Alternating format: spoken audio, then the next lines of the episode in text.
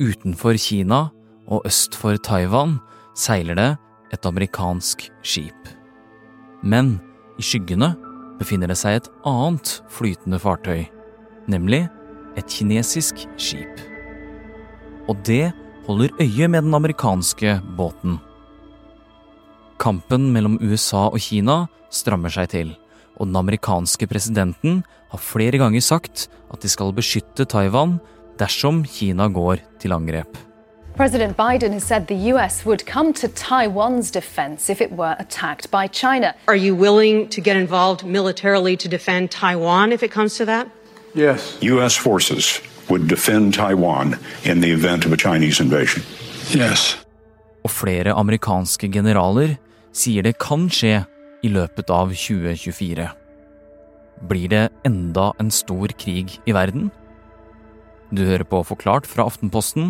Mitt navn er Philip A. Johannesborg, og i dag er det tirsdag 25. april.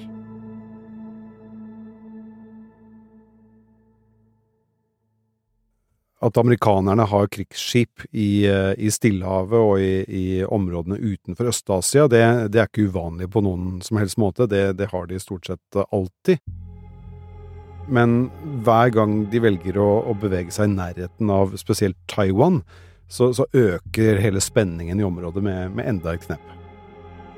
Kristoffer Rønneberg er utenriksjournalist her i Aftenposten og har vært både Asia-korrespondent og USA-korrespondent. Altså, han har lenge fulgt med på konflikten om den lille øya Taiwan. Altså, Kina mener at Taiwan er en del av Kina. Og, og, dette landet er jo, altså Kina er jo det største og det mektigste landet i, i Øst-Asia, og, og, de vil jo gjerne ha innflytelse og, og makt. Eh, så Derfor så blir de sinte når de ser at USA utfordrer denne posisjonen de har i sin egen region. Altså Dette er jo Kinas bakgård, det som skjer i, i Taiwan. Eh, og nå styrker amerikanerne samarbeidet med, med flere andre land i, i, dette området, og det irriterer jo kineserne enda mer. For i utgangspunktet hadde USA fem militære baser i land som ligger rundt Taiwan. Og nå i februar ble de enige med Filippinene om å legge fire nye baser også der. Og disse ligger helt nord i landet, rett ved Taiwan. Og, og kineserne de syns jo ikke noe om, om, dette her. De reagerer ved å si nei, ikke gjør det til, til myndighetene på, på Filippinene. Eh, og det amerikanerne gjør her nå, det, det ser kineserne rett og slett eh, skikkelig alvorlig på.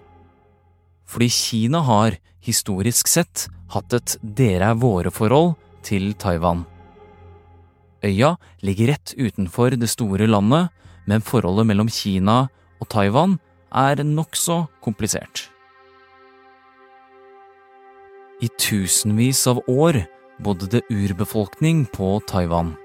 Det var ikke før ut på 1600-tallet at det kom utlendinger, og da var det både kinesere og europeere.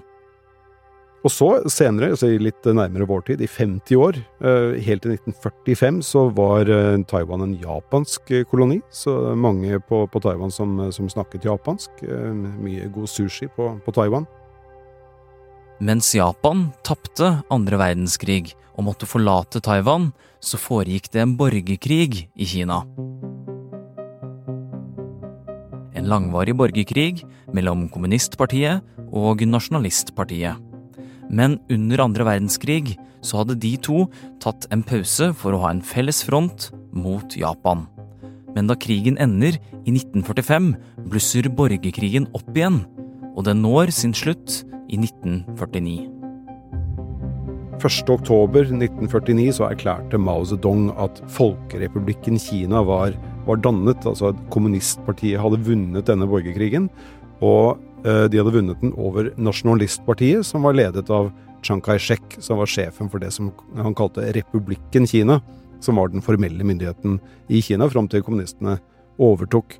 Og Chiang Kai-shek han erkjente ikke nederlaget. Han var helt, eh, helt sikker på at han skulle klare å slå tilbake.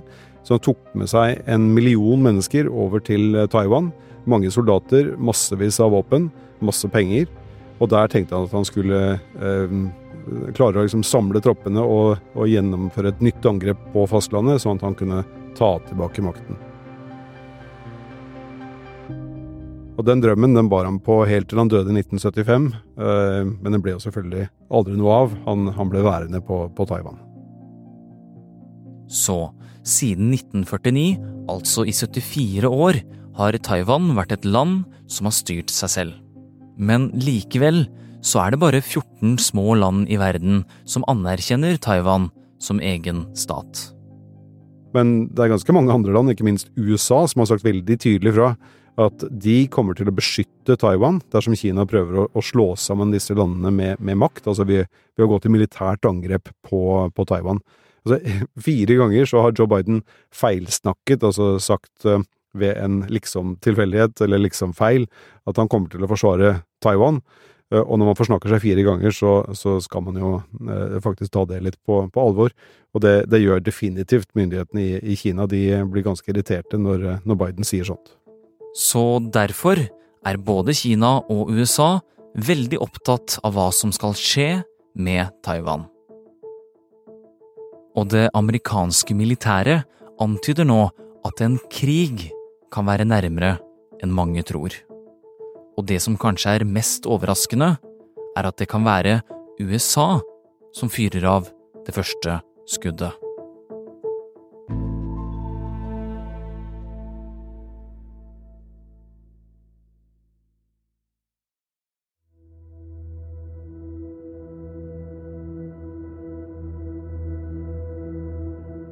I tillegg til den historiske turbulensen mellom Kina og Taiwan, så spiller også geografien inn. Og det letteste er kanskje om du nå drar opp kartet og søker opp Taiwan, og så ser du på det mens Kristoffer forteller. Så der har du Kina, du har Russland, og så har du Korea som, som utgjør liksom den østlige delen av, av kontinentet, av landmassen, som, som, jo for så vidt også Norge er en, en del av. Og utenfor dette fastlandet så har du en lang rekke med, med øyer som går helt fra nord, og så går den liksom sør-vestover. Helt i nord, der har du altså Sør for Russland, der har du øyene som hører til Japan, så kommer du til Taiwan, og etter hvert så kommer du til Filippinene, Indonesia, og til slutt så havner du jo langt ute i Stillehavet. Eh, det er nesten så du kan gå tørrskodd helt fra, helt fra Sibir til, til Fiji. Og, og Taiwan inngår altså som en del av denne lange perleraden av, av øyer. Og, og, hvis Kina skulle innlemme Taiwan som en del av, av Kina, så, så, vil disse havområdene rundt øya gå fra å være internasjonalt farvann til å bli en del av Kinas nære havområder. Og ikke minst at de da får en liksom, direkte utfartsmulighet til Stillehavet. Men Taiwan er jo en øy, så kan ikke Kina bare seile rundt? jo, altså det, det, er jo helt sant at Taiwan er en, en øy. Men, men, hvis du henter fram dette kartet igjen, så, så, vil du se at USA de har venner i alle bauger og kanter i dette området. I, i nord så har de Japan og, og Sør-Korea. Og lenger sør så har de, så har de Filippinene og, og, Vietnam. Og alle disse landene de trekkes for tiden mer mot amerikanerne enn de gjør mot eh, kineserne. Og det betyr trøbbel. Amerikanerne jobber nå hardt med å styrke de militære og politiske forbindelsene med Japan, Sør-Korea, Vietnam og Filippinene. Altså landene som ligger rundt Taiwan. Og hva betyr det, Kristoffer? Verden går fra å være liksom en stor globalisert landsby til at den dras i ulike retninger. At den kobles eh, fra en, en sentral enhet til flere små eller mindre enheter. Altså rent konkret så betyr det at uh, mange land de får et økende press på seg for å velge side. Hva kan skje da, i så fall? I første omgang i denne frakoblingsprosessen så, så får du noe som kan minne med, eh, om en ny kald krig, med, med, blokker av land som står mot hverandre og, og som kanskje truer hverandre. Eh, men jo mer tilspisset denne situasjonen blir, jo nærmere er vi en, en, en militær konflikt. Altså rett og slett en, en krig mellom USA og Kina. Noe som igjen kan bety en krig mellom Østen og Vesten. Men blir det det? det er jo ingen som håper på en krig, og vi vet jo ikke hvor sannsynlig det heller er. Men, men det er flere som, som, antyder at det er en reell mulighet, altså, og at det kan skje omtrent når som helst. En, en, amerikansk general eh, mener at det kan skje i løpet av 2024. Eh, men akkurat det er det nok ikke så mange som er enig med ham i at det er, at det er realistisk. Men likevel så, så, er det mye som kan skje som, som kan føre til at, det er liksom fare på ferde i, i Taiwan-stredet. Og i januar 2024, altså neste år, skal Taiwan få en ny president. Og hvis denne nye presidenten velger å erklære selvstendighet for Taiwan, så mener mange at Kina vil kunne gå til angrep på øya. Men det er egentlig ikke veldig sannsynlig, fordi folket på Taiwan regner seg selv som selvstendige. Og I tillegg til det så har dette med demokrati også gjort at det har blitt helt uaktuelt for mange å, å gå fra å leve i et av verdens frieste demokratier til å gå til et diktatur som, som Kina. Så er det en annen ting som spiller inn her, og det, det er spørsmålet om Kina er i stand til å, å gjennomføre et angrep nå, altså om Kina har en stor nok militær styrke det er flere eksperter som mener at de ikke er sterke nok enda, øh, og at de derfor vil være tjent med å, å, å vente med et angrep. Men øh, kanskje er det heller ikke Kina som starter denne eventuelle krigen. Det kan også være USA som, som avfyrer det første skuddet. Ok, hvordan da? Eh, altså, amerikanerne de, de, vet jo også eh, at Kina vil være sterkere om 10 eller 20 år enn, enn hva de er i dag, i hvert fall sannsynligvis.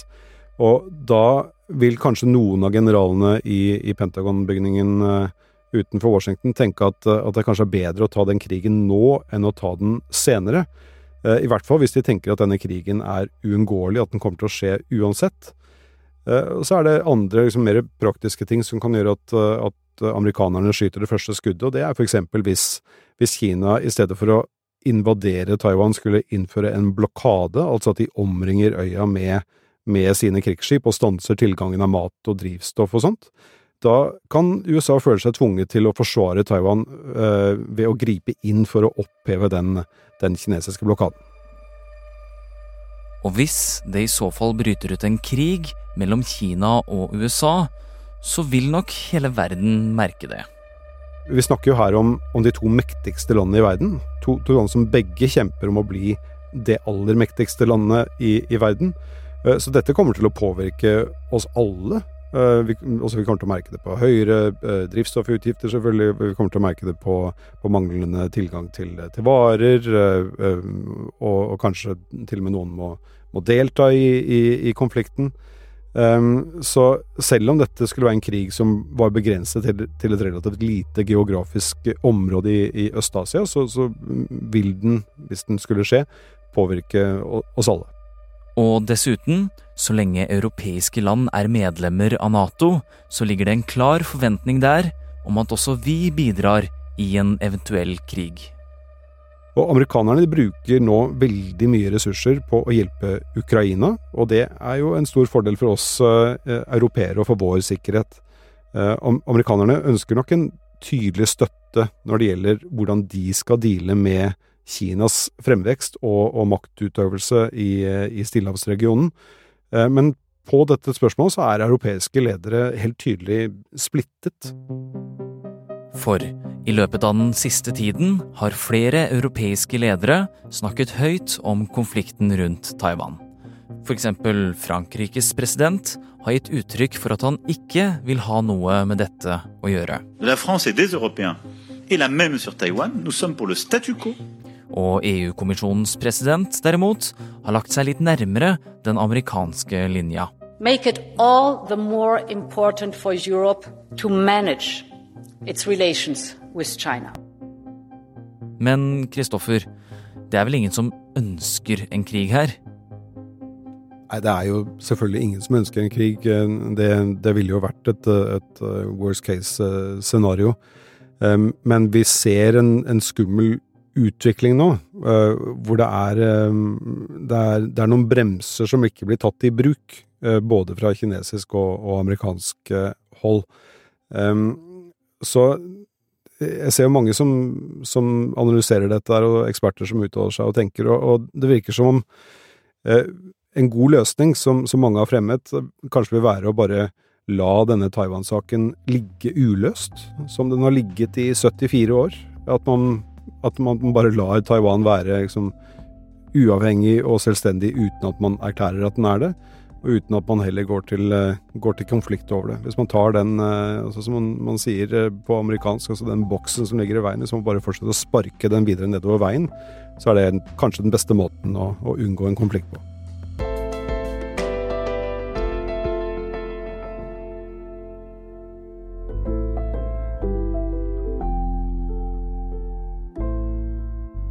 Du har hørt en podkast fra Aftenposten. Det var Kristoffer Rønneberg som tok deg gjennom konflikten rundt Taiwan og den mulige krigen som følger med der. Lyden er hentet fra nyhetsbyrået AP, BBC, CNN og NBC News. Denne episoden er laget av produsent Jenny Førland og meg, Philip A. Johannesborg. Resten av Forklart er Synne Søhol, Olav Eggesvik og Anders Weberg.